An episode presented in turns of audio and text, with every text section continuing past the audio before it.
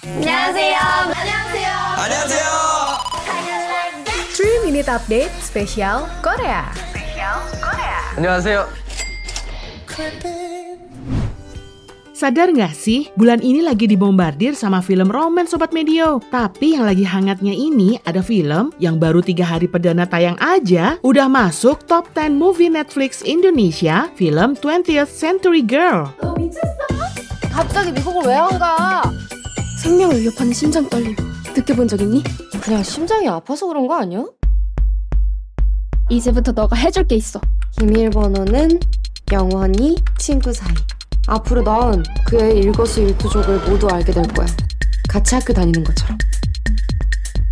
너구나 백현진. 혹시 여자친구 있는 거 아니야? 항상 같이 다니는 단짝이 있어.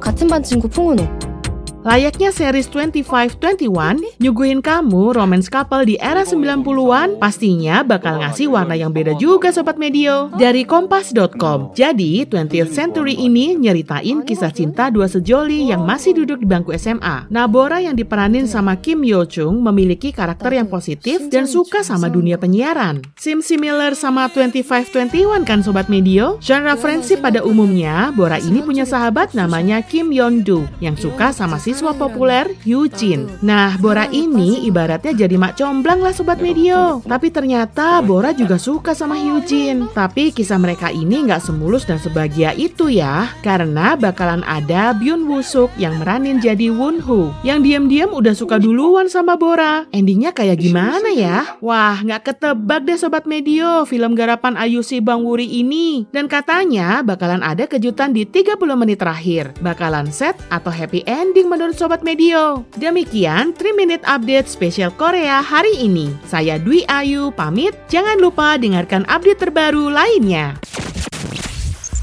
Tungguin episode selanjutnya di minggu depan. Gamsamnida.